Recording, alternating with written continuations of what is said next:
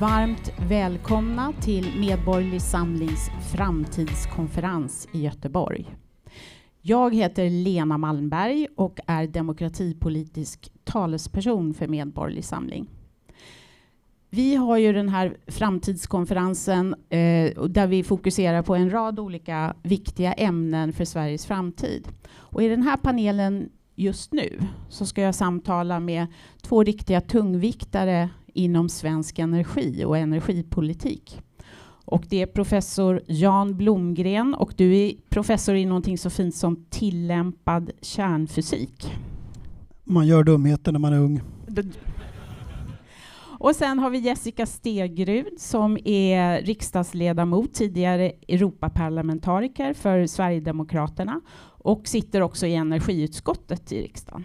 Näringsutskottet. Förlåt, näringsutskottet. Och hand om energifrågorna. Och så. sen har jag 18 år i energibranschen bakom mig, så det är ett speciellt intresse. Det här kommer att bli ett eh, otroligt intressant eh, samtal, hoppas jag, eh, därför att ni har så, ska vi säga, jag är så tacksam att ni ställer upp på det här samtalet idag. Men jag tänkte som vanligt, för er som känner mig och som har varit med ett tag så brukar jag tjata om en bild på Maslows behovspyramid. För det finns nämligen ska vi säga, likheter mellan Maslows behovspyramid som i botten då fokuserar på sådana här eh, nödvändigheter som tak över huvudet och mat i magen, alltså saker som vi behöver för att fungera som människor. Eh, där lägger jag även energitillgång och i, infrastruktur och sådana saker som gör att samhället fungerar väl. Ju längre man kommer upp i den här behovspyramiden, desto mer handlar det om saker som är lite lyxföreteelser, alltså eh, moral, kreativitet, hur man upplever sig själv, self-actualization som det heter och så vidare. Och jag ser lite grann hur politiken idag har en förmåga att bita sig fast i den övre, lite lyxbetonade biten utav Maslows behovspyramid. Eh, jag kan väl säga så här att det är få politiker som går ut i en valrörelse idag och lovar att eh, se till att vi bygger bort den upplupna skulden i våra eh, infrastruktur när det gäller vatten, avlopp och sådana saker. Det, det, låter inte så roligt och sexigt. Men det är precis det, det där vi borde fokusera. Kärnuppgifter. Staten ska se till, den ska vara liten och effektiv och låta medborgarna vara starka medborgare och göra vad de själva vill i toppen på pyramiden. Men nu är många politiker uppe och klättrar där i toppen och öppnar vad jag kallar då handhjärtemyndigheter och godhetssignalerar och allt sånt där. Och enligt mitt förmenande slösar bort skattepengar. Men jag har alltså idag väldigt mycket anteckningar, för jag tänker bombardera er med frågor. Jag tror att om vi ska prata om energiproduktion, konsumtion och transport, för det är de här viktiga delarna i energin. Idag så måste vi först ha en liten historisk tillbakablick. Eh, och den här Maslows behovspyramid, förr var det ju så att eh, större delen av befolkningen var sysselsatt med att skapa eh, förutsättningar för egen överlevnad. Eh, men nu är det ju inte så idag, utan det här är ju centraliserat eh, och vi har lämnat agrarsamhället bakom oss. Men hur är det med historiken, Jan? Du som är en sån förträfflig pedagog. Alltså, om ni inte har tittat på Jan på Youtube, så gå gärna in och titta på hans. För du, du verkligen lyckas fånga essensen av bakgrunden till att det ser ut som det gör idag på energisidan och varför Sverige är ett rikt samhälle och var, vi har fått vårt välstånd ifrån. Jan? Ja, det är lite spännande när programledaren säger nu ska vi ha en historisk tillbakablick och så tittar de på mig. Så då tar väl jag och hoppar lite längre tillbaka här nu då, nämligen till min mormor Märta. Mormor Märta hon var den mest fridsamma människa kan tänka sig. En varmt troende frikyrklig som gärna satt och stickade, höjde aldrig rösten, hade aldrig synpunkter på politik och liknande. Utom en gång. Eh, vi satt och tittade på ett sånt där omöjligt soffprogram på tv, typ nygammalt eller så. Det gick sånt på tv på 70-talet. Så illa var Sverige på den tiden. Och sen var det någon intervjuad som sa någonting om den gamla goda tiden. Då vaknade Märta till och det började blixtra i ögonen på henne. Det fanns ingen gammal god tid, sa hon. Hon kommer från en fiskarsläkt. Gubbarna var ute och fiskade hela nätterna och i snöglopp och storm och så kom de hem och de hade söndervärkta händer. Och hade de tur fanns det en smörgås man kunde få äta. Och det fanns inga mediciner. Blev man sjuk då dog man. Det är mycket bättre nu. Nu har vi elektricitet. Så min mormor med sex års folkskola, hon förstod sambandet mellan energi och ett gott liv bättre än vad energiministrar har gjort de senaste mandatperioderna i Sverige.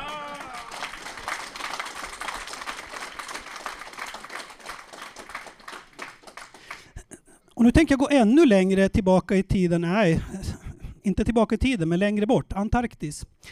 Det finns ungefär 70 miljoner krabbätarsälar i Antarktis. En sen då? Jo, eh, vattnena runt Antarktis är väldigt rika på liv och där finns det en massa plankton och så kommer det små, eh, lite större plankton och äter de mindre plankton och så småningom kommer det krabbor och äter dem och sen kommer det krabbätarsälar och äter krabborna. Det hörs ju liksom på namnet va. Så de är längst upp i näringskedjan där. 70 miljoner. Det här är det vanligaste stora däggdjuret på jorden. Med ett undantag, människan.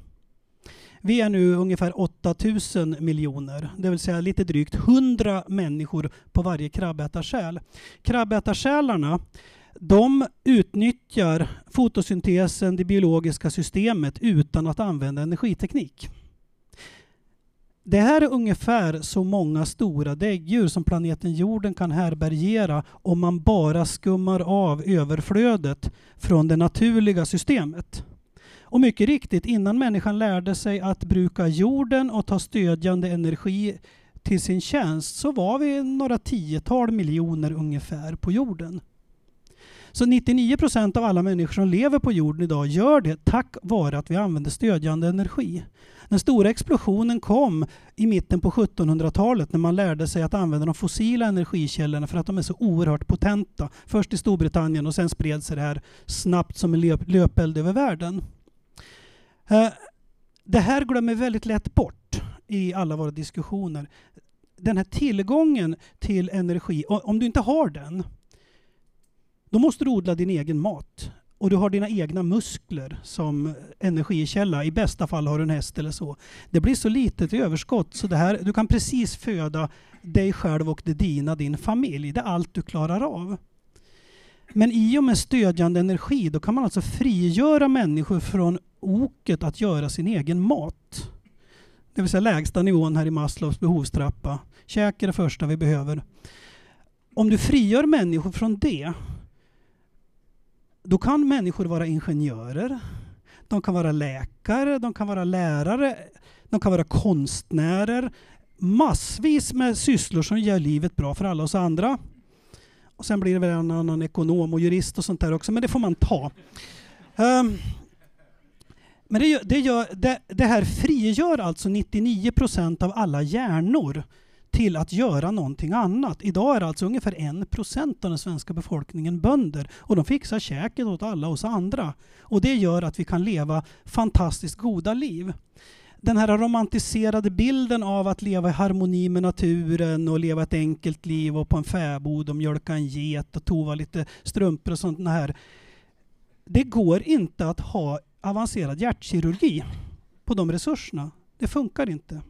Så vi sitter fast i att vi måste ha ett högindustriellt, energieffektivt samhälle för att kunna leva ett gott liv. Det är någonting jag skulle vilja se en och annan politiker inse. Min mormor klarade det.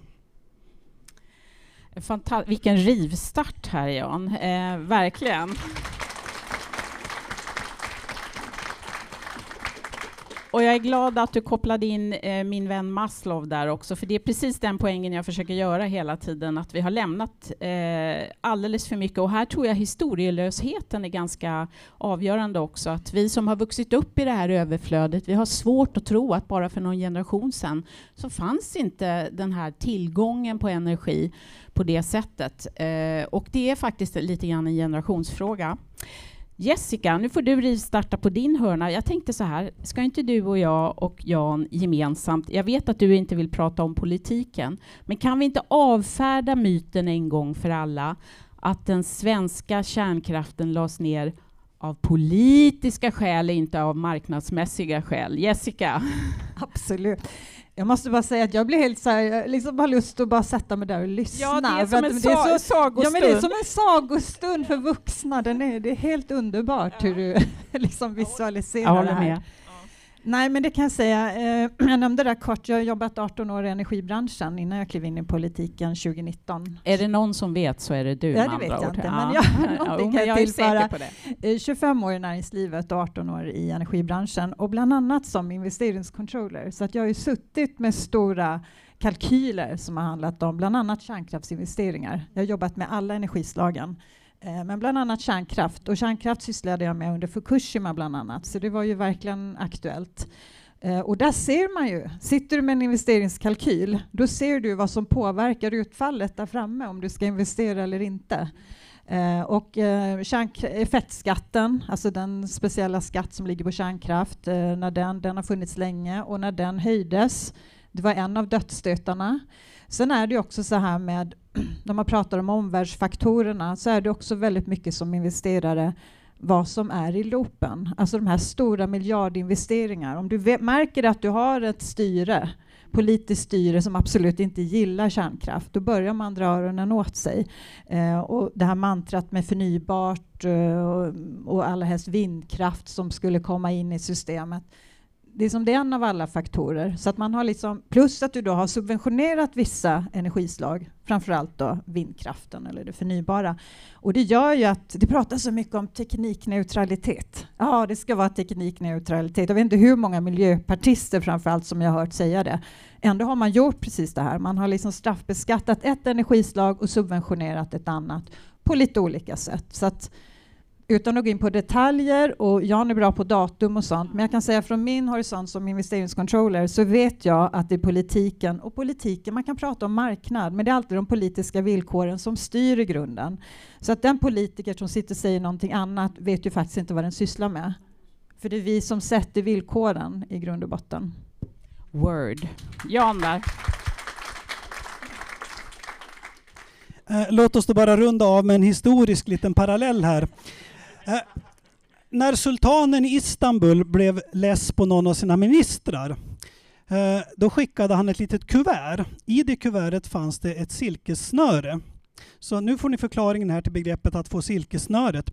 Eh, fick man då ett kuvert med ett silkessnöre i, då, då betydde det att om nu förväntas du begå självmord. Om du gör det får du en statsbegravning i ära. Om du inte gör det, då kommer sultanens män och choppar huvudet av dig utanför Topkaj-palatset och sen kastas du i en grav omärkt någonstans och dör i vanära. Rätt många valde option 1. Det var ju ett marknadsmässigt beslut. Touché, touché. Det, det intressanta med det du säger här Jessica, du menar alltså att ni i näringslivet gjorde konsekvensanalyser? Ja, va? Jättemärkligt. Ja, för det är ju det som, eh, jag, det är ju ett av mina favoritord, det är konsekvensanalyser och den totala avsaknaden och bristen på konsekvensanalyser hos politikerna idag. Och det här vet jag också är ett av dina favoritord. Eh, och det bottnar väl i många olika saker. Jag tror det bottnar dels i det som den tidigare panelen idag pratade om, att politikerna idag eh, har ju eh, partistöd. De behöver inte ha folkets stöd egentligen när det gäller det monetära, utan de kan göra som de vill. Eh, de kan lägga tid på sådana här handhjärtefrågor uppe i toppen på Maslow. Som jag sa, ingen blir kanske återvald på att renovera vatten och avloppssystemen. Men jag tror faktiskt att energifrågan kommer lite grann att få folk att bli påminda om att vi har varit bortskämda med billig el för 35 öre kilowatten, men nu är det inte så längre. Utan nu går vi på tyska priser som eh, jag hörde någonstans, jag tror det var du Jan som berättade att terminskontrakten handlas på, på 10 kronor per kilowatt nu. Stämmer det? Så var det tidigare. Var det, har tidigare. lugnat ner sig lite grann. Det, det blev en mildare vinter än man trodde. Ja. Eh, men jag vill gärna gå tillbaka till årtalet där 2011 och Fukushima. För att det, det, är ofta den här argumentationen som man får höra att det är farligt med kärnkraft. Eh, och om man tittar på, kärn, eller på energislagen så är ju kärnkraft inte bara nästan fossilfritt, utan, eller eh, är fossilfritt, eh, utan det är ju också ett av de eh, elproduktionsslag som har orsakat minst antal dödsfall. Eh, och man får höra om eh, kärnkraftsolyckan. Harrisburg hade ju noll döda om jag har förstått det rätt. Eh, och ehm, i Ukraina 86, jag vet inte hur många där, har du koll på det Jan? Många styv, styvt 30 som 30. dog mer eller mindre direkt. omedelbart direkt, ja, direkt. eller inom några dagar från det hela. Ett par hundra senare cancerfall som man kan säga det där var mm. verkligen för att de var där inne och rotade. Sen vet man inte därför att man gissar att små stråldoser eh, ökar risken för cancer. Men notera mina ord gissar. Mm. Det är alltså under den gräns som ens går att mäta vetenskapligt. Och sitter man och räknar på det, jätteliten dos till mycket folk, så hamnar man på ytterligare några hundra eller ett par tusen. Men det, det drunknar liksom i statistiken för miljoner andra människor hinner få cancer ändå på samma tid. Så men, där i krokarna ligger det. Ja, det Några hundra, vi vet. Och det viktiga är ju att komma ihåg att Fukushima, det var ju en jordbävning som orsakade en tsunami, så det var ju inte en kärnkraftsolycka per se. Eh, så att man har det klart för sig i sammanhanget. Eh, men 2011 var också ett viktigt datum ur andra aspekter. Jag vet Jessica, du har berättat, jag har lyssnat på dig när du har berättat, eh, du brukar dra en liten anekdot i EU-parlamentet. Kan du berätta om den, vad som hände 2011 på ryska ambassaden? Absolut. Eh, man kan säga, jag kan bara kort bakgrund och det är ju att miljörörelsen har ju varit otroligt stark. Alltså det här med att bygga upp det här som att kärnkraften är så farlig. Och jag brukar säga alltså kärnkraft, det är inte så att det är någon godisfabrik. Man får liksom prioritera och man ska ta det mest på största allvar. Och det är ju någonting som västvärlden verkligen gör. Så av den anledningen så kan man känna sig trygg och det utvecklas också hela tiden. Men som sagt jag jobbar ju då med kärnkraft. Jag kände inte till den här historien då, utan det har jag lärt mig efteråt. Men 2011 efter Fukushima, då fanns det det här starka trycket redan innan i Tyskland om att liksom, kärnkraft skulle stängas ner. Men nu kom ju den perfekta anledningen, kolla Fukushima. Och då fattades det väldigt irrationella och snabba beslut och man bestämde sig för att avveckla kärnkraften. Och vad hände då? Jo, samma dag som man faktiskt fattade det officiella beslutet, då befann sig en journalist på den ryska ambassaden i Berlin och han fick vara med och skåla i champagne. För nu förstod man att aha, nu kommer de bli beroende av någonting annat, lämpligen naturgas ifrån Ryssland. Och den här anekdoten har ju dragit EU-parlamentet i några år.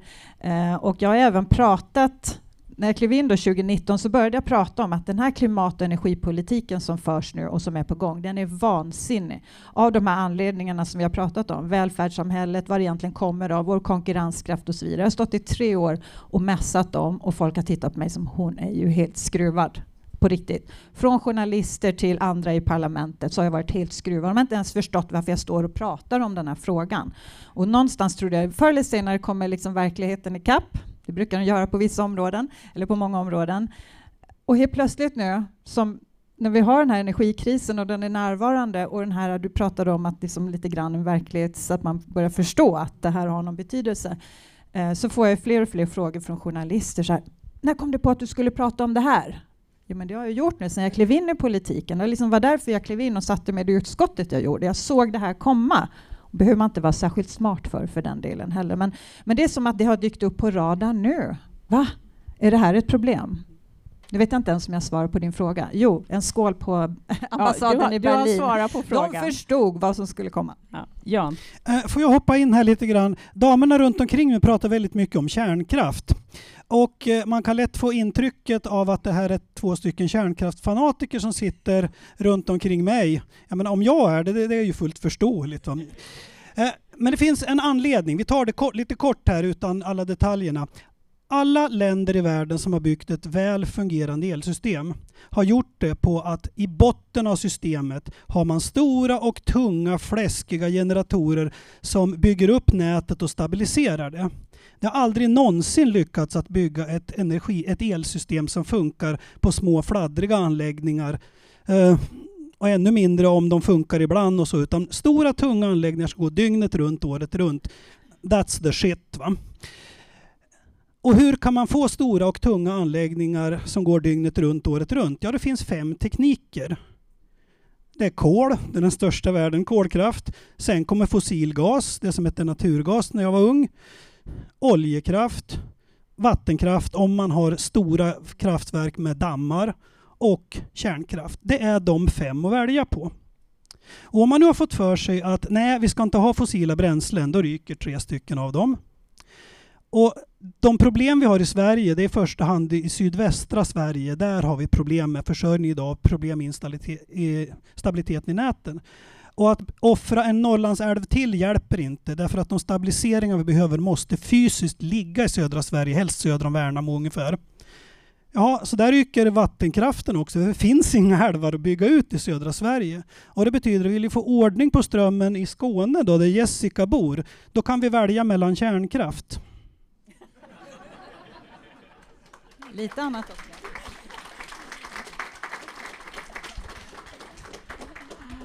Jan, du tar priset när det gäller pedagogiken och eh, det, det, är så fantastiskt. Eh, jag vet ju också att jag, jag, vill gärna att du berättar lite mer för att det här är en förutsättning för hur vi ska lösa de här problemen framgent. Och där har ju geografin i Sverige spelat en väldigt stor roll också. Ni vet att om man tippar över Sverige, liksom tar Norrland och eh, Treriksröset som flippar ner det så kommer vi ner till Rom. Alltså det är ett väldigt utdraget land. Och just transport utav el är ju liksom en svag punkt också. Vi har det här harsprånget Hallsberg.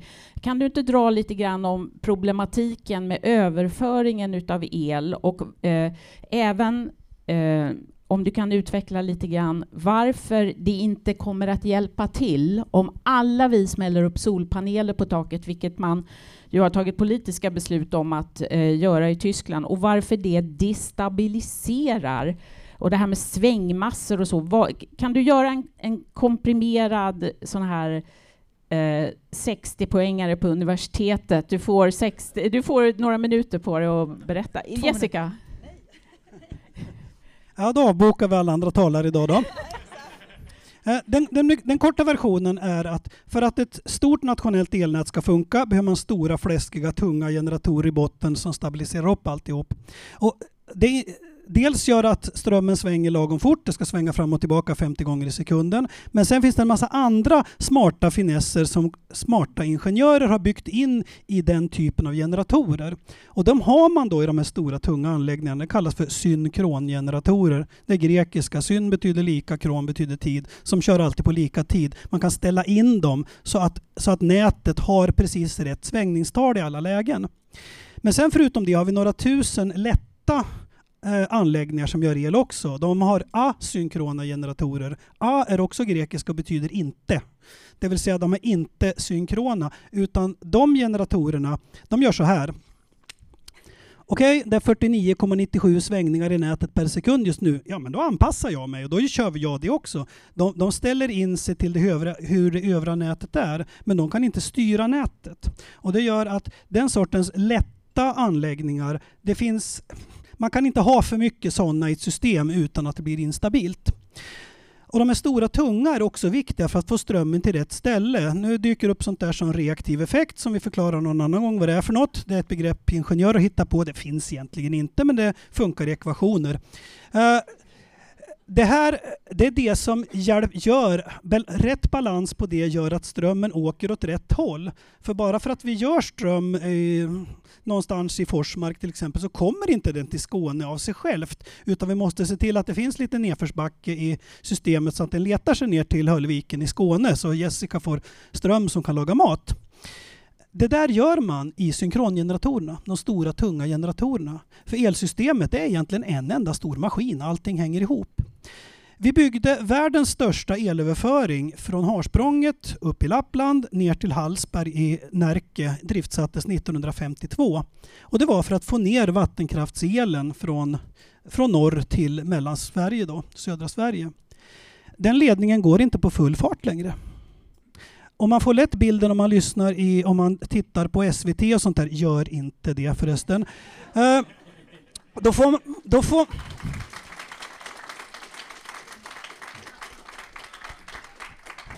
Då får man lätt bilden av att de här problemen att överföra strömmen, det som gör att strömmen är dyrare i mellan och södra Sverige än vad den är i norr, att det skulle bero på att grejerna är gamla och trötta och rostiga och sådär. Det är det inte. De är i utmärkt skick.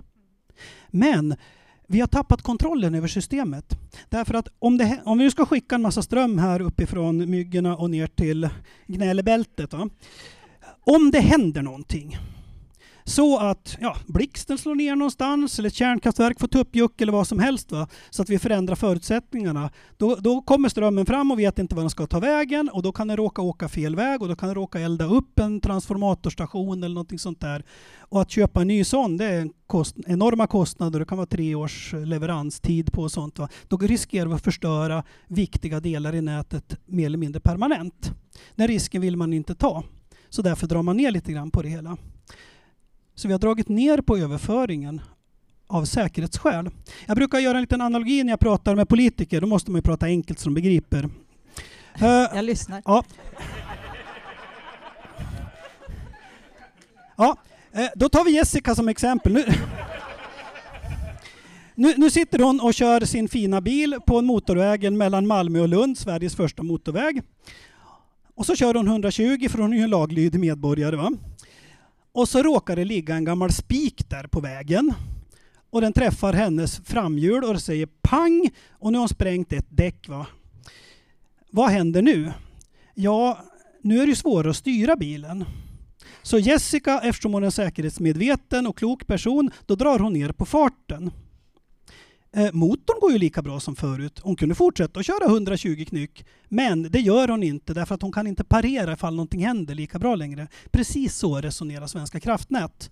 Överföringen från norr till Mellansverige, den, vi har tappat förmåga att parera i södra Sverige om någonting går snett i överföringen. Och därför drar man ner på överföringskapaciteten för att inte råka elda upp grejer permanent. Och eh, ni som bor söder om Dalälven betalar ett ganska högt pris för detta. Och vi tappade ju när eh, man stängde ner kärnkraft också, ytterligare. Ja, nu måste jag nästan hoppa in en gång till här. Därför var det jag misstänkte. Ja, där, därför att man, man, stängde ner kärnkraftverket i Barsebäck som var nästan den enda stora elproduktionen då i, i Skåne. Och då blev det elbrist i Skåne, konstigt va? Uh, och då sa man, ja men det är lugnt, vi bygger en ny sladd. Vi tar den där sladden i Hallsberg, vi, kap, vi bygger på den ner till Hurva i Skåne. Det tog 24 år alla ni som tror att det går fort att rätta till saker och ting med att bygga mera överföring. Det går fortare att bygga ny elproduktion. Det går snabbare att smocka upp nya kärnkraftverk än att dra nya kraftledningar i Sverige. Ja, I alla fall, efter 24 år var den där igång. Den har aldrig gått på full fart. Den går på någonstans mellan hälften av maxkapacitet och två tredjedelar, ungefär där i krokarna. Varför då? då? Jo, därför att efter att man började på bygga den här Eh, så kom det en regering och fick för sig att skicka silkesnör i paket då, så att det lades ner fyra reaktorer till. Och det var inte med i kalkylen man ritade överföringen Sydvästlänken ner till Skåne. Så nu har man ännu sämre justeringskapacitet. Alltså törs inte Svenska kraftnät köra full sula ner till Skåne. Ja, ni förstår situationen. Det här får mig osökt att komma och tänka på när det gick en propp i mitt proppskåp. Det var väl när Stefan Löfven kom hem från EU och ansåg att eh, vattenkraften var inte förnybar och kärnkraften eh, fick inte räknas eh, som förnybar heller, eller fossil. Det, det var inte okej, okay, utan det skulle in, man trycker in mer eh, vindkraft och solkraft. Jag ser ett annat problem med det här också, att dominerande inom vindkraftsutveckling och solkraft är ju Kina. Eh, och sen vill jag passa på att ta upp en sak, det, det här är en hjärtefråga för mig. Eh, det är det här med embedded CO2. Alltså man pratar väldigt mycket om eh, klimatproblemen och vad de har sin eh, botten i, då, det här med CO2-utsläppen. Men det verkar nästan som att miljörörelsen tror att alla vindkraftverk kommer bara ur tomma luften. Att det inte sliter på miljön, att det inte blir CO2-utsläpp av att bygga vindkraftverk. Tusentals, tiotusentals, miljontals. Dessutom med en konsekvens att inte kunna förse sin befolkning som vill ha 100 tillgänglighet utav effektiv och prisvärd el, utan allting blir ju bara sämre bristen där på konsekvensanalyser. Eh, och jag tänker också, eh, Jessica, det här har jag tagit från dig. Jag var inte med i EU-parlamentet, men jag vet att du har berättat att eh, när EU och Ursula von der Leyen klev in så så gjorde ju hon ett statement. Det här blev liksom en prestigegrej uppe i toppen på Maslow igen då. Att det här skulle bli ett man on the moon moment. Alltså EU ska gå i bräschen och briljera för att använda den här nya förnybara energin, men utan att känna till de faktiska konsekvenserna. Det för mig osökt in på en annan grej här som är också väldigt viktig för framtiden. Och det handlar om kompetens. Vi har ju liksom eh, en gång i tiden haft världens renaste, finaste energimix fram till 2019 någonstans där ungefär. Eh, och vi har företag som har specialiserat sig. Jag menar ABB, transformatorer, generatorer, you mm. name it. Och vi numera, numera japanskt. Hitachi köpte alltihop häromåret. Ja. Så att, eh, vad tror ni när det gäller kompetenstillväxten. Hur löser, knäcker vi en sån fråga för framtiden? För övrigt har jag hört att det, det är rekordmånga som ansöker till eh, eh kärnfysik eller kärnkraftsutvecklingsutbildningen eh, på KTH, vilket är väldigt glädjande. Men vad tror ni? Vad behövs där inom utbildningen och hur ser vi till att inte tappa mer kompetens? Jessica? Oj, oj, oj. Alltså jag, jag har ju så mycket jag skulle vilja kommentera här, men jag kan säga en sak. När jag träffar näringslivet, eh, och, eh, vilket jag gör i olika sammanhang, eh, ja, både innan och nu, men alla pratar om kompetensbristen. Alltså det är inte bara den här nischen. Eh, och sen är jag ju personligen väldigt bekymrad, jag tror att ni också är, väldigt bekymrad för svenska skolan överhuvudtaget. Eh, bara liksom, den allmänna nivån sjunker, spetskompetensen har vi inte på samma sätt längre och så vidare. och så vidare. Sen har ju problemet varit för just kärnkraften då, det är ju det här att har man sagt att man ska lägga ner någonting så är det ju ingenting man satsar på. Uh, och nu kommer jag också, för nu börjar en del länder, det är så mycket jag skulle vilja kommentera där med EU och förnybarhetskrav och så vidare. Kör på, men vi, nej, men vi, kan, vi kan beta av den här först, jag bara säger det. Um, um, ja, men, och, och nu också så att trots allt så pågår det ju så att i det här nu att vi ska bli fossilfria så är det några kloka länder fortfarande i Europa som förstår att kärnkraften är grejen. Eh, och det är klart, då kommer alla suga åt sig. Alltså det kommer bli en huggsexa nu om kompetensen, om leverantörer och bygga nytt och så vidare. och så vidare. Eh, för det här var ju verkligen en kompetens som Sverige hade för några årtionden sedan. Det var ju faktiskt helt fantastiskt. Um, och, eh, så att det här är ett jättedilemma, hur man kommer åt den första signalen det nya samarbets eller tidavtalet, regeringen, eh, vill ju satsa på kärnkraft. Det är ju uppenbart till stora delar. det finns lite frågetecken också, men så är det ju. Och bara det är ju en signal till branschen och det du säger att nu vågar man söka sig dit. Är man intresserad så vågar man söka sig dit. Sen är ju ledtiderna väldigt långa. Eh, och det är så många andra saker som måste hänga med. Så att jag, har inga, jag har inga snabba svar, men Jan har säkert något långt pedagogiskt svar. Men det, det är helt klart, det, det, är en, det är en jättebrist på så många områden i Sverige. Nästan vem jag än träffar från näringslivet och sektorer som faktiskt vill expandera och så vidare, så är det här kompetensbrist, kompetensbrist hela tiden. Och jag vill bara inflika att jag skulle vilja hävda att det har varit kompetensbrist inom politikerkåren, för det är de som har försatt oss i den här situationen.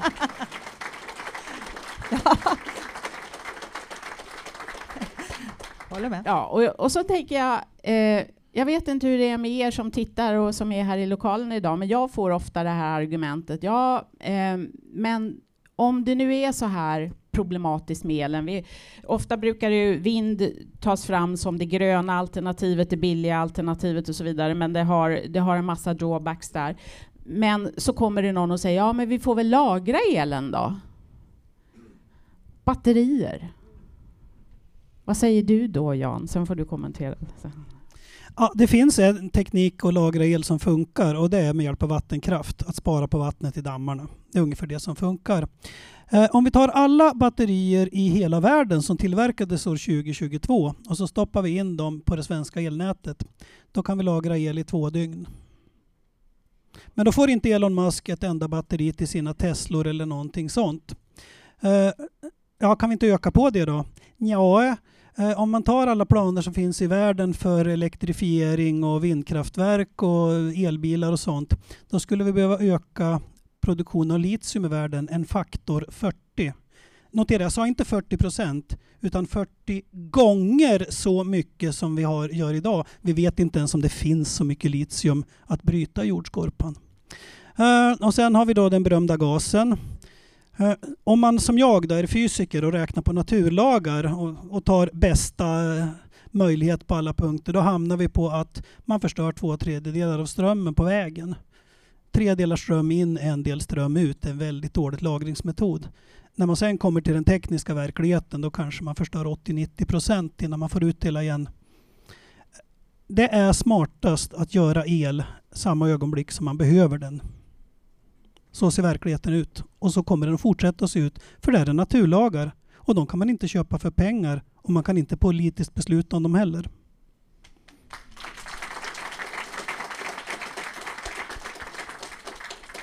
Jessica, varsågod. Ja, Ehm, jag har tre, de som har följt mig vet att jag brukar slänga mig med tre uttryck. Det första är konsekvensanalyser, har en bakgrund som controller, så det är ju ett favoritord, jättetjatigt med konsekvensanalyser. Det andra är fascinerande. Och, eh, och det är verkligen, jag upplever ofta det när jag sitter i debatter eller intervjuer, så bara fascinerande. Alltså jag vet inte vad jag ska säga, annars måste jag ta till betydligt eh, värre ord. Eh, men jag tror ni förstår innebörden. Det tredje är det går ju inte ihop. Det går inte ihop. Det är till och med sagt i talarstolen. För det är precis vad jag känner. Och du nämnde här, och man pratar om vindkraften. Alltså vindkraften ger ju ungefär tre gånger större CO2-avtryck än kärnkraften. Så bara den idén om att ja, nu när vi ska öka elproduktionen något så enormt och det ska vara förnybart och det är koldioxiden vi tänker på så bygger man vindkraft istället för kärnkraft. Sen har vindkraft en massa andra saker som man är liksom avigsidor som man inte får diskutera, eller får, det tas aldrig upp helt enkelt. Och det är miljöproblem av alla möjliga slag och jag hör ju från alla sektorer. Nu pratas det mycket om havsbaserad vindkraft. Det hör man ju från, jag hörde från någon, till exempel, ta sjöfarten, all logistik, alla varor som levereras ut till butiker, det här avlånga landet som vi har, väldigt mycket kommer via sjöfarten. De här sjöfartslederna förstörs av vindkraften. Eh, du kan inte, alltså det är så mycket och du har, du har mikroplaster, du har djuren, du har så vidare, du har tillverkningen, all betong som går åt och som vi då inte får tillverka på Gotland eller cementen. Nej, nej, det ska vi importera någon annanstans ifrån. Kina. Kina till exempel eller Tyskland. Och det är just det här, det hänger inte ihop. Alltså, man måste titta på en helhet. Och som politiker så får jag ofta höra då, jaha, du tänker inte göra någonting själv du, det är någon annan som ska göra något. Det vill säga om man föreslår att en åtgärd har mycket större effekt någon annanstans totalt sett, nej, då är man liksom ingen bra politiker, utan allt måste dessutom ske i Sverige. Och sen en, en, sista kommentar när det gäller förnybart. Jag läste nya, det kom massa nya direktiv nu från EU, för man har ju panik nu med de här skenande elpriserna och tysk stålindustri som först vill flytta till Frankrike för det var bättre priser och nu pratar man om att flytta till Kina och så vidare. Eh, så det kommer ju massa direktiv och det jag kan utläsa av allt det här, det är att det ska vara vindkraft. Vindkraft, vindkraft, vindkraft och fossilfritt. Det kan jag förklara ännu bättre, men ju mer vind du har i systemet, det vill säga väderberoende, desto mer måste du, kraft måste du ha. Snabbstartad reservkraft eller balanskraft, kalla det vad du vill, för att täcka upp, hålla den här jämnheten i systemet. Och vad ska du göra det med då? Ja, då pratas det om olika, det är vätgas och det är batterier och allt möjligt. Magasin, men alla har inte vattenkraft och vi har dessutom maximerat där. Men det är just där, det hänger inte ihop. Ju mer vind, ju mer väderberoende du kör in i systemet, desto mer fossilberoende kommer du bli på marginalen i slutändan. Det diskuterar man inte, utan man bara bäddar för massiv utbyggnad av vindkraft. Men Jessica, jag, jag, ska rädda din själsfrid lite grann här. Eh, när, du är med, när du är med i de här sammanhangen, då kan du göra som jag gör. Låtsas att du är med i en Monty Python-sketch. det känns faktiskt så ibland. Eh, jag vill bara passa på att inflika här, för att eh, det här är en eh, utav de Jag har ju jobbat inom energimiljöteknik eh, och specifikt vätgasbränsleceller, eh, stationära sådana, inte mobila. Så jag brukar alltid ha ett litet, hålla ett litet öga på det här med vätgaslösningen som man pratar om.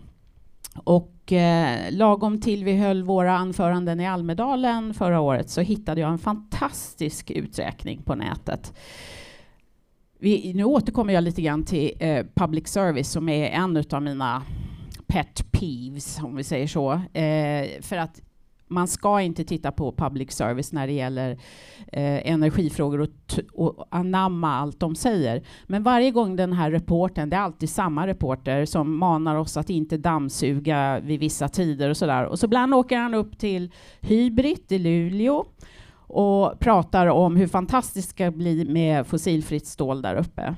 Och eh, då kunde man läsa eh, under förra året, jag har inte kollat om det finns kvar, men på Vattenfalls hemsida så berättade man om att man har byggt ett sånt här vätgaslager då för att kunna eh, vad heter det, lag, ja det blir ju en mellanlagring. Man omvandlar energin då till vätgas och sen kan man kontrollera vätgasen.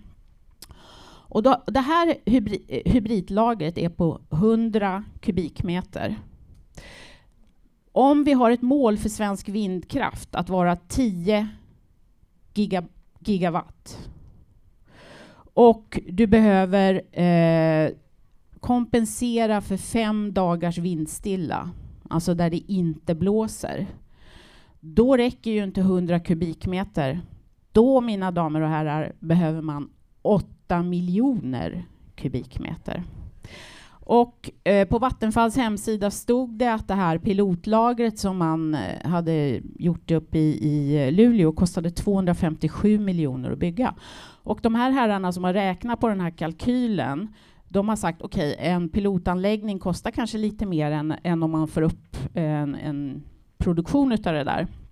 Men om du skulle tillämpa den kostnaden så skulle alltså kostnaden för ett lager på 8 miljoner kubikmeter för att, att köra hybrid, eller hybris, eh, skulle kosta då 20 000 miljarder kronor i investeringskostnad.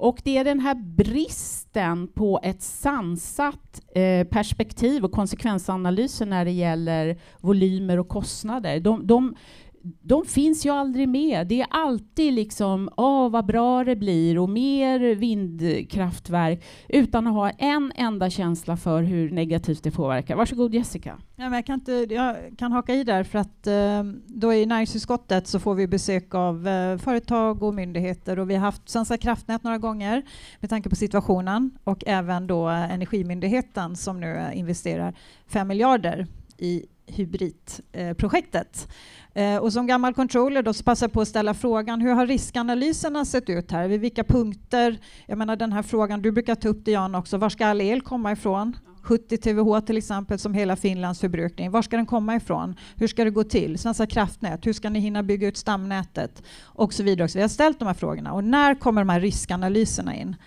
Och det, nej, de tittar ner och det har varit något liten, någon liten analys där och någon liten där. Det vill säga inget och, och, och framförallt när man gör sådana här, för det här är ju såklart kanske en vision som är jättehäftig i början, men sen när du samlar på dig fakta, liksom steg för steg, så måste du ju stämma av och till slut inse det här är orealistiskt, nu drar vi i bromsen.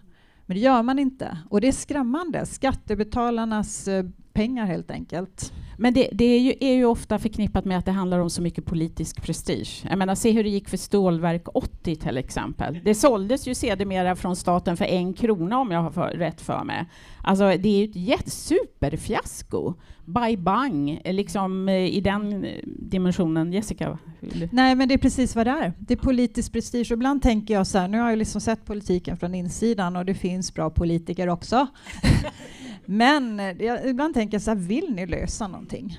Alltså på riktigt, här har vi ett konkret problem. Vill ni verkligen lösa någonting eller inte? Och jag tror att svaret på frågan ganska ofta är nej. Kanske vill man bli omvald. Ja, men det är det, precis det jag är ute efter.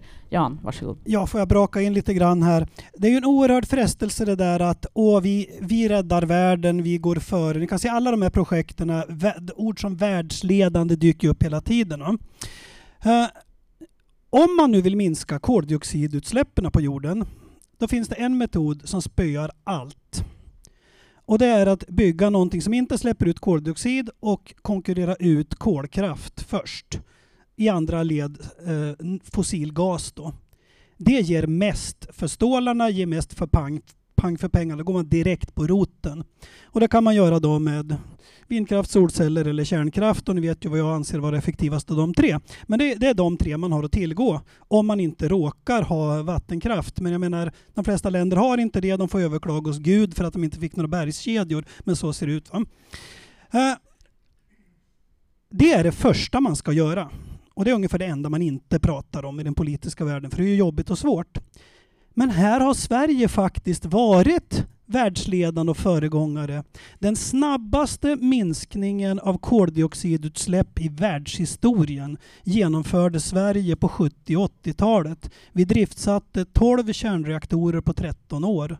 Och det ledde till att våra, våra fossilutsläpp störtdök.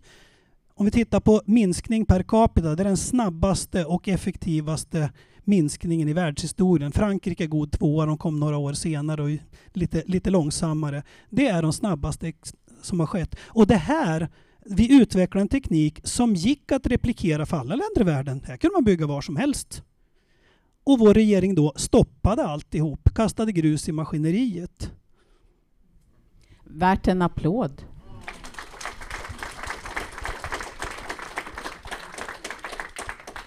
Nu har jag fått in några frågor från tittare och publik och jag tänkte ta dem i lite ordning här. Jag börjar med en som är som upplagd för en straffspark utan målvakt.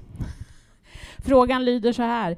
Sveriges starka ekonomiska utveckling sägs ha skett tack vare den svenska modellen. Nu är det en myt till här vi ska ta död på. I love it. Är det inte så att det var svensk ingenjörskonst och kärnkraft som skapade välståndet trots den svenska modellen? Hönan och ägget. Ja, nu måste jag hänvisa ja. till en tidigare talare, Alexander Bard här. Eh, när jag satt och skulle försöka få ordning på vad, hur, hur har svensk energipolitik gått till? Jag var tvungen att gräva ända tillbaka till nämnde Gripenstedt på mitten på 1800-talet. De frihetsreformer som genomfördes då de gjorde att Sverige gick från ett trångsynt agrarland till ett väl fungerande industriland på en 70-årsperiod. Eh, och även om jag är kärnkraftsentusiast på många sätt och vis, det var vattenkraften som var först. Sverige hade ju de naturgeografiska förutsättningar som väldigt få andra länder har. Vi behövde inte bygga kol som de andra gjorde, för vi hade det vita kolet, vattenkraften. Där tog Sverige ett jätteryck. Och sen när vi konstaterar att äh, nu spar vi de sista älvarna som är orörda här. Vi har egentligen bara en enda älv kvar i Sverige som vi själva helt kontrollerar som är helt orörd. Kalix älv för övrigt. Uh, dock, the, the, new kid on the block det var ju atomenergi som hette på den tiden då, kärnkraft. Och så byggde vi ungefär lika mycket det som vi hade haft vattenkraft tidigare. Den kombon i kombination med att vi byggde eh, kraftvärme för att värma våra städer och gjorde lite el på toppen på det det är ju världens smartaste elsystem. Och sen har vi ägnat ett halvt sekel åt att försöka förstöra det. Nu får ni inte applådera. Nu ska vi ha sorg. Nu får jag signal här att vi har tio minuter på oss. Jag läser fråga nummer två. Um, nu blir det, ja, hur ser panelen på trovärdigheten i IPCCs rapporter. Nu blir det en klimatfråga. Det hänger ju inte... Det hänger delvis ihop med eh, energipolitiken. Det gör det ju eftersom en, energipolitiken har helt eh, fokuserat från att gälla medborgarnas bästa väl och ve till att gälla IPCs IPCCs bästa väl och ve. Jessica, varsågod. Vad var, vad var frågan? Frågan, eh. hur ser panelen på trovärdigheten i IPCCs rapporter? Mm. Ja, det här är ju känslig mark. Ja. Nej, men alltså det många inte vet är att IPCC består av två delar. Working Group 1 och 2. Den ena delen är tusentals vetenskapliga rapporter. Den andra är en politiskt styrd eh, produkt där man på något vis drar slutsatser och kommer med rekommendationer om vägen framåt. Och du kan ni tänka er politiker som förhandlar med varandra, någon tycker si, någon tycker så, eh, och, så och så jobbar man fram någonting då. Eh, och eh, jag har inte läst det här jättemycket. Jag har läst en hel del om det, jag har försökt se det på olika sätt. Eh, vi har ju Elsa Widding i partiet som jag ägnat flera år åt att läsa det här. Inte att förneka någonting utan att verkligen läsa grundmaterialet och titta på diverse slutsatser. Och man behöver inte vara länge i politiken för att förstå vad resultatet blir om ett gäng politiker ska komma till en slutsats och bli omvalda. Eh, så att, eh, vad ska jag säga? Det, vad, jag, vad jag förstår finns det väldigt bra underlag eh, men slutsatserna är ju väldigt märkliga och eh, man fokuserar enormt mycket på det alarmistiska eh, och eh, det är sällan att det kommer så mycket nytt grundmaterial, men ibland så kommer det nya larm däremot. Nu är det red alert och nu är det det och det och nu har vi visst bara sju år på oss. Nu ska allting halveras. Världens fossilberoende ska halveras på sju år. Och vad har vi? Ett fossilberoende på 80 procent eller något sånt där. Alltså det är fullständig galenskap. Och när jag ställer frågan till andra politiker som går ut och bara nu måste vi göra allt vi kan. Liksom. Men är det ens realistiskt? Bara sätt er ner en minut, fundera. Vi ska halvera, alltså då ska vi inte ens upp, vi ska inte ens existera om det ska funka på sju år. Det är så totalt orealistiskt. Och det störande är att precis som i vissa andra frågor, ni vet nog vilka, så är det ingen öppen debatt. Man kan inte diskutera, utan det avfärdas med att man är ditten och datten, vilket ju egentligen bara är ett tecken på att man inte har på fötterna, enligt mig. Då. Men eh, jag vet inte om det var svar på frågan? Eh, ja, det är jättebra svar på frågan. För det är ju trots allt så här, och här vill jag sätta på mig min demokratipolitiska eh, talespersons hatt, att precis som du säger, det finns väldigt bra material och underlag, men det finns bara utrymme för en åsikt. Och eh, så har det tyvärr blivit inom mycket av forskningen också, eh, när man ska äska pengar, för då måste ni check the boxes, ni vet. Då ska, om du vill ha medel till din forskning inom eh, ja, biokemi, då måste det genus och eh, alla de där grejerna bockas också, även om ni inte har någonting direkt med ditt ämne att göra. Eh, och det här tycker jag är väldigt olyckligt. Den andra grejen som jag vill uppmärksamma, det är min bestämda uppfattning om management by fear and intimidation. Att det här är ett väldigt, en härskarteknik som används och den är väldigt effektiv. Tyck som vi, och tycker du inte som vi, ja men då deplattformerar vi dig. Vi sätter dig i skamvrån och du får inte eh, dryfta dina åsikter. Och det här tror jag att vi måste bort ifrån. Jag är övertygad om att vi måste bort ifrån det och låt det fria ordet och åsikterna, åsiktsmångfald helt enkelt. Eh, sista frågan här, den går direkt till dig Jessica. Och det här är jätteviktigt tycker jag. Eh, för det du har ju som perfekt erfarenhet från EU-parlamentet också. Skulle Jessica kunna beskriva översiktligt hur EU-direktiven kring elsystemet dik dikterar det svenska manöverutrymmet? Och då vill jag gärna lägga till en bifråga där. Eh, subsidiaritetsprincipen och eh, den kommunala vetorätten. Varsågod Jessica. det blev en lång fråga. Ja, exakt. Uh, nej men så här, man pratar om kompetenser i EU Eh, att nationerna har vissa kompetenser, det vill säga helt självbestämmande eh, inom vissa områden och andra områden är gemensamma och överstatliga till stor del. Eh, energi är egentligen ett sådant område som är nationell kompetens. Det ska vi egentligen bestämma över själva. Men vad gör man? Jo, man går förbi det här genom att sätta upp en massa klimatmål som påverkar Eh, energipolitiken. Och lite som jag nämnde innan, det kommer mycket direktiv här nu som handlar om att vi ska trycka in vind i systemet och att vi ska bli av med andra saker. Man har gjort allt vad man har kunnat, eller det har varit en förhandling, framförallt eh, ja, EU-parlamentet när jag satt där bland annat då, men eh, vissa nationer vill ju trycka undan kärnkraften helt. Så då, då, har man uteslutit, eller man ville utesluta kärnkraft ur det som kallas taxonomin, det som styr investeringarna kort uttryckt. Så att på olika sätt så är det här väldigt eh, starka krafter. Eh, nu glömde jag frågan.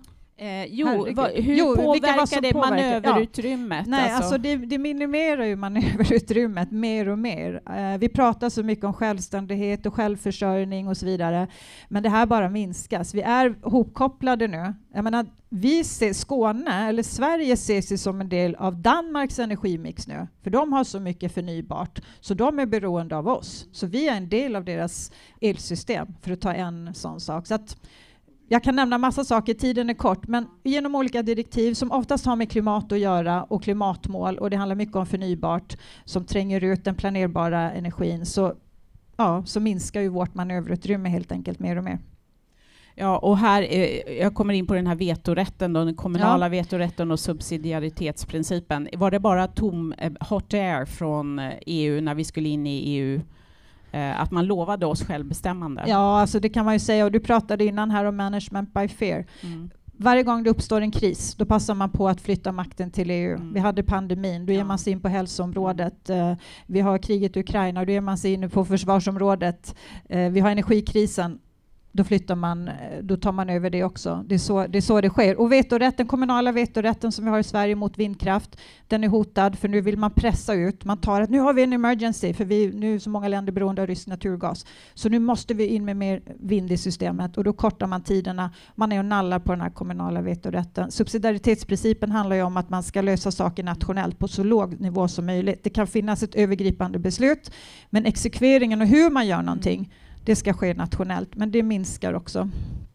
Nu pratar vi väldigt fort, ja, nu är det, bara några minuter kvar. Och det är så mycket vi behöver prata om. En annan grej som vi inte ens har tagit upp här, men som är lite framtidsinriktad, eh, det är ju att förutom att vi då har den möjligheten att ändra i lagstiftningen när det gäller hur vi placerar och planerar våra kärnkraftverk, så är ju du inne på en väldigt in, intressant tråd här, att vi eh, ska komma överens internationellt om certifieringar, så att eh, en tillståndsprocess i ett land ska inte behöva ta så här många år, utan en viss, nu pratar jag om sådana här um, small reactors, vad heter de? Um, det spelar ingen roll, det är lika intressant för de stora. Ja, bra.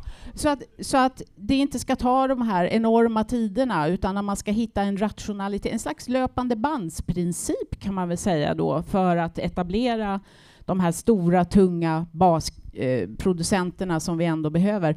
Och vi måste ha politiken som gör det möjligt för elproducenter att kunna lita på att ja, men så här kommer politiken att se ut i 30-40 år.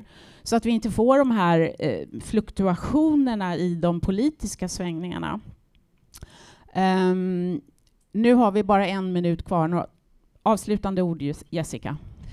Det du nämnde, det här med eh, att ha någon certifiering, det är faktiskt ett område som EU skulle kunna göra nytta på. Jan. Ett av få. Ja. Jessica får sista ordet.